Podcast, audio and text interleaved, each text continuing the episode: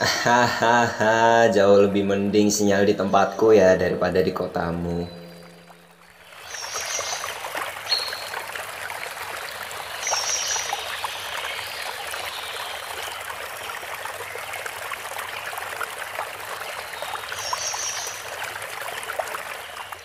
Hello guys, good morning. Assalamualaikum warahmatullahi wabarakatuh.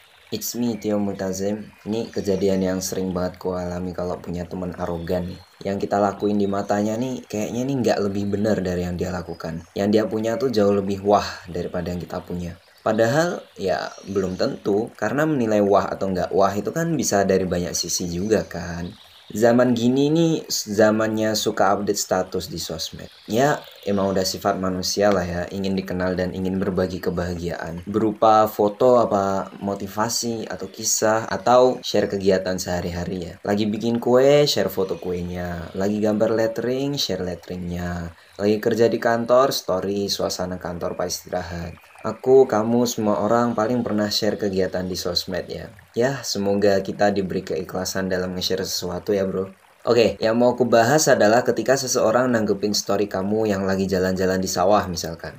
Dia bilang, alah sawah kotamu nih cuma tanda hujan ya. Mana kering lagi, mending loh sawah di sini udah luas, ada irigasinya, canggih, pakai kincir loh. Oke, contoh lain pas kita ngecat orang low res nih. Low res gara-gara sinyal kita jelek nih. Kita minta maaf. Maaf, low res sinyal di sini agak error gitu. Terus dia jawab, "Aha, makanya pakai Telkomsel mahal dikit nggak apa-apa, yang penting sinyal kenceng." Hmm, emang susah ya punya teman julid kayak gini nih ya. Ini masuk kategori toxic people yang seharusnya kalau kita nggak kuat ya nggak usah berteman sama dia. Nggak apa-apa mutus pertemanan sama toxic people. Kalau emang pertemananmu nih cuma nguntungin dia doang. Tapi bukan berarti kita lantas nggak berinteraksi sama dia sama sekali guys. Ya secukupnya aja lah. Cukup dalam sebatas misalkan say hello doang. Kata Rasulullah Shallallahu Alaihi Wasallam, perumpamaan teman yang buruk seperti pandai besi. Pakaianmu bisa terkena percikan api darinya atau minimal kamu bisa mendapatkan bau busuk darinya. Hadis riwayat Bukhari nomor 5534 dan Muslim nomor 2628. Ini disclaimer ya, tanpa bermaksud meremehkan pekerjaan tukang las. Maksudnya gini, kalau kamu temenan sama orang yang buruk akhlaknya, kamu tuh akan selalu rugi karena akan selalu dapat keburukan darinya atau minimal kamu bisa melihat betapa buruknya akhlaknya tanpa harus berinteraksi sama kamu pilihan terbaik buat kita ya jauhin aja ya bukan berarti kita antisosial guys sama sekali bukan tapi kita selektif alias pilih kasih dalam berinteraksi sosial siapa sih yang mau interaksi sama orang berakhlak buruk Next, teman kayak gini nih mungkin aslinya ya, hidupnya nih lebih membosankan dari kita. Buat orang semacam ini, sebenarnya aku kasihan sih. Udah boring, rasain kebahagiaan orang pula. Duh, jeleknya nih kuadrat. Kalau emang temenmu gitu, mungkin kamu bisa bantu dia mengatasi kebosanan hidup dengan ngajakin dia misalkan jalan-jalan, apa traktirin dia. Mungkin ya, mungkin dia tuh bosen tapi nggak bisa ngapa-ngapain karena nggak ada duit atau karena nggak ada yang ngajakin dia main. Ya hitung-hitung pahala lah bantuin orang lain kan, tambah deket sama temen sendiri juga dengkinya itu bisa jadi karena dia kurang kenal kamu aja. Kalau udah deket sama kamu, insya Allah dengkinya lama-lama hilang. Ini buat kategori kedengkian yang bukan karakter bawaan loh ya. Ada lagi yang emang karakter asli alias seolah-olah nih bawaan dari lahir. Dia nggak punya yang dia omongin, tapi karena emang udah karakter dengki, ya ya dia nggak mau lihat orang lain bahagia. Pokoknya di dunia ini cuma dia doang yang boleh bahagia. Jadi apa-apa di mata dia tuh salah. Harusnya kita gini, harusnya kita gitu, ngikut kemauan dia. Nggak tahu toleransi, nggak tahu apa itu berbagi. Kalau aku sih ya guys ya, rugi punya teman kayak gini mah. Lebih baik nggak usah berteman sama sekali sama orang berwatak bendengki. Males, apa-apa nih salah sama dia. Pertanyaannya, gimana kita bisa tahu karakter dengki atau bukan?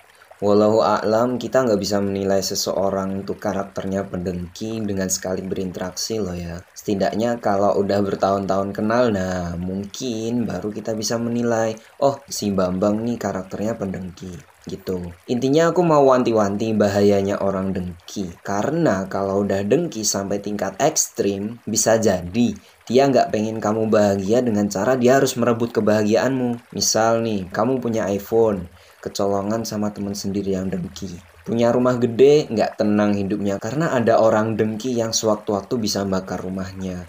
Dengki di hati seseorang nih memang ibarat api yang menyambar semak kering ya. Sebentar aja udah bisa nyebar cepet, apalagi kalau dibiarin lama. Maksudnya dari setitik dengki dalam hati kalau dibiarkan bisa berimbas ke hal-hal yang buruk yang bakal dilakukan si pendengki.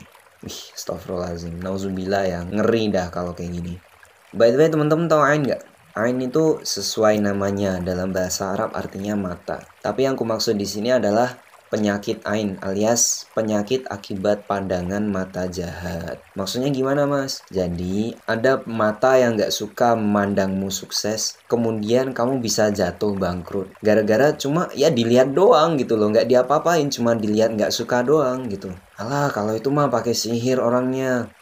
Enggak guys, serius. Ini cuma ngelihat nggak suka doang, nggak pakai sihir, nggak pakai tindakan. Cuma dilihat dengan rasa nggak suka. Eh, hancur dah hidupmu. Contoh nih, kamu punya iPhone 11 nih, kamu pamerin.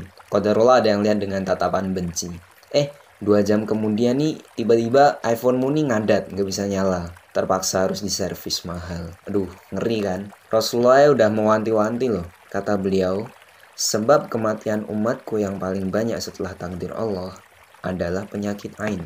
Jangankan tatapan dengki, tatapan kagum loh, itu juga bisa menyebabkan ain loh guys. Kamu kagum sama wih betapa mewahnya rumah seseorang nih. Kamu secara nggak sadar bisa jadi mengirimkan Ain ke rumah tersebut. Besoknya kamu dapat kabar bahwa rumah ini nih tiba-tiba hancur kena pohon tumbang gara-gara kagum doang, nggak sampai dengki, apalagi kok sampai diam-diam menghancurkan rumahnya. Emang Ain itu ya kayak jelangkung guys, datang tak diantar, pulang tak dijemput. Kalau udah gini gimana solusinya? Mending kita share hal-hal yang sekiranya nggak menimbulkan dengki orang lain. Nggak usah share lagi di cafe, jalan-jalan bareng temen. Kalau misalnya itu bisa menimbulkan dengki. Hilangkan sifat pengen pamer ketika kita share di status. Insya Allah apa yang akan kita bagikan di sosmed nggak akan terkesan wah yang bisa mengundang ain dari orang lain. Bisa juga nih, kalau kamu emang udah kenal watak beberapa orang yang gampang dengki, padahal kamu nggak pamer sesuatu, ya ya udah statusmu di private aja dari dia. Blokir aja nomornya, nggak guna dapat viewer toxic mah. Kita punya hak untuk berbagi kebahagiaan tanpa bermaksud pamer. Kita juga berhak untuk nggak merasa jadi sasaran dengki. Bukan bermaksud pengecut atau menghindar ya guys. Tapi kan kita nggak tahu siapa yang di hatinya ada dengki ngelihat kita kalau dia udah sampai tingkat pengen berbuat macam-macam ke kita kita bisa apa coba? Aku punya cerita nih. Si A dengki sama si B gara-gara si B ini multi talent uh apa-apa bisa dia. Si A ini menghasut teman-teman seangkatan untuk benci si B. Padahal si B ini nggak salah apa-apa ya karena dia pinter doang sementara si A itu dengki. Nah, tapi imbasnya teman-teman seangkatan jadi benci si B selama berbulan-bulan. Ada lagi nih kisah uh, sebut siapa ya? Sebut aja si Bambang sama Maimunah. Oke. Okay. Nah, si Bambang ini anak kesayangan guru karena dia rajin, baik hati. Si Maimunah nih benci sama si Bambang karena dia disayang sama guru gitu loh. Dia dengki. Akhirnya si Maimunah ngefitnah si Bambang. Sampai akhirnya si Bambang nih dikeluarin dari sekolah padahal gara-gara fitnah, guys. Ngeri kan gara-gara dengki real story itu mas. Iya guys itu based on true story. Itu benar-benar kisah nyata. Yang dua tadi itu benar-benar kisah nyata. Mohon maaf aku tadi samarkan namanya aja ya karena privasi orangnya. Kasihan kalau ku buka aibnya. Untuk Mas Bambang sama Mbak Maimunah yang tadi ku pakai contoh namanya mohon maaf ya kalau ada kemiripan nama. Padahal dengki setitik aja dalam hati itu bisa jadi pertanyaan besar buat kita loh guys. Apa pertanyaannya? Iman kita sempurna nggak sih? Kata Rasulullah, La yu'minu ahadukum hatta yuhibba li akhihi ma yuhibbu li nafsi. Tidak sempurna keimanan seseorang di antara kalian sampai dia menyukai yang dimiliki orang lain sebagaimana dia suka memilikinya sendiri. Maksud dari hadis ini, iman kita itu nggak bakal sempurna kalau kita nggak suka orang lain punya sesuatu, maunya kita doang yang punya. Gitu. Solusi berikutnya punya sifat dengki jelas nggak ada orang suka. Apalagi kok sampai membandingkan nasib dengan orang lain. Wah merusak kebahagiaan orang banget sih. Introspeksi lah. Kalau misalkan kita punya sifat dengki, sebaiknya segera hilangkan. Stop berkata mending ini, mending itu, mending punyaku. Stop merendahkan kepemilikan orang lain. Cerita tiap orang itu berbeda. Bisa jadi, orang emang bisa bahagia hanya dengan hal yang terkesan sederhana di matamu. Kalau memang gak bisa menasehati orang dengki, mulailah dari menasehati diri sendiri. Tanamkan di pikiran bahwa rasa pengen punya yang dimiliki orang lain itu bisa bikin berandai-andai. Banding-bandingin kepunyaan orang lain. Padahal banding-bandingin itu kan tanda gak bersyukur ya gak? Udah kesebutin ya di podcast sebelumnya tips untuk bersyukur. Yang belum nyimak bisa disimak di episode 5. Oh ya, pasti ada yang pengen tanya. Mas, gimana caranya kagum tanpa mengirimkan ain?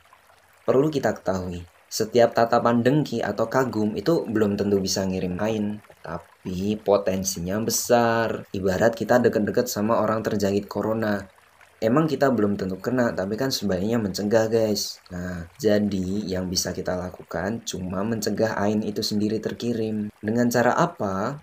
Kalau kamu kagum, pujilah Allah. Doakan keberkahan pada apa yang kamu kagumi itu. Misalkan, lihat teman punya gadget baru, ucapin, wih, Masya Allah, Barokallah, semoga gadgetnya bermanfaat ya. Dan doa semisalnya. Insya Allah, Ain gak bakal terkirim dari tatapan kita, guys. Sabda Rasulullah, jika salah seorang dari kalian melihat pada diri saudaranya sesuatu hal yang menakjubkan, maka doakanlah keberkahan baginya, karena ain itu benar adanya. Hadis riwayat An-Nasai nomor 10872. Itu cara antisipasi ngirim ain. Sekarang kita bahas cara antisipasi kena ain. Ain itu nggak ada yang tahu dari mana dan kapan dia datang itu perkara goib ya la ya'lamuhu illallah nggak ada yang tahu perkara goib kecuali Allah maka kalau kita minta perlindungan dari ain, ya minta ke Allah. Berlindunglah dengan doa dan zikir-zikir yang diajarkan syariat. Baca ayat kursi, al-ikhlas, al-falak, an-nas, setiap habis subuh dan maghrib. Udah hafal ya semuanya ya, kecil ini mah insya Allah ya. insya Allah hal ini cukup membentengi diri kita dari segala macam kejahatan ain. Oh ya, next episode kita akan membahas zikir-zikir tambahan sesuai tuntunan Rasulullah. Insya Allah, oke? Okay? Akhir kata, dengki itu ada yang terpuji loh guys. Tapi cuma pada dua hal, dengan syarat bukan dengki akut alias sekedar dengki doang, sekedar iri doang. Apa dua hal tersebut? Kata Rasulullah Shallallahu Alaihi Wasallam. Pertama, rojulun atahullahu malan fasallaqahu ila halakatihi. Seseorang yang di, yang diberi harta melimpah, dia infakkan di jalan Allah sampai hampir mencelakai dirinya sendiri. Maksudnya dia hampir celaka gara-gara saking banyak infaknya gitu. Kedua adalah dengki kepada orang yang diberi ilmu. Rajulun atahullahu ilman fahuwa yaqdi biha wa yu'allimuha. Kemudian ia mampu menerapkan ilmu tersebut dan bahkan mengajarkannya. Terima kasih yang sudah mendengarkan sampai detik ini. Mohon maaf bila ada salah kata maupun ada kata-kata yang menyinggung. Sampai jumpa di next episode. Jazakumullah khairan wa barakallahu fikum. Assalamualaikum warahmatullahi wabarakatuh.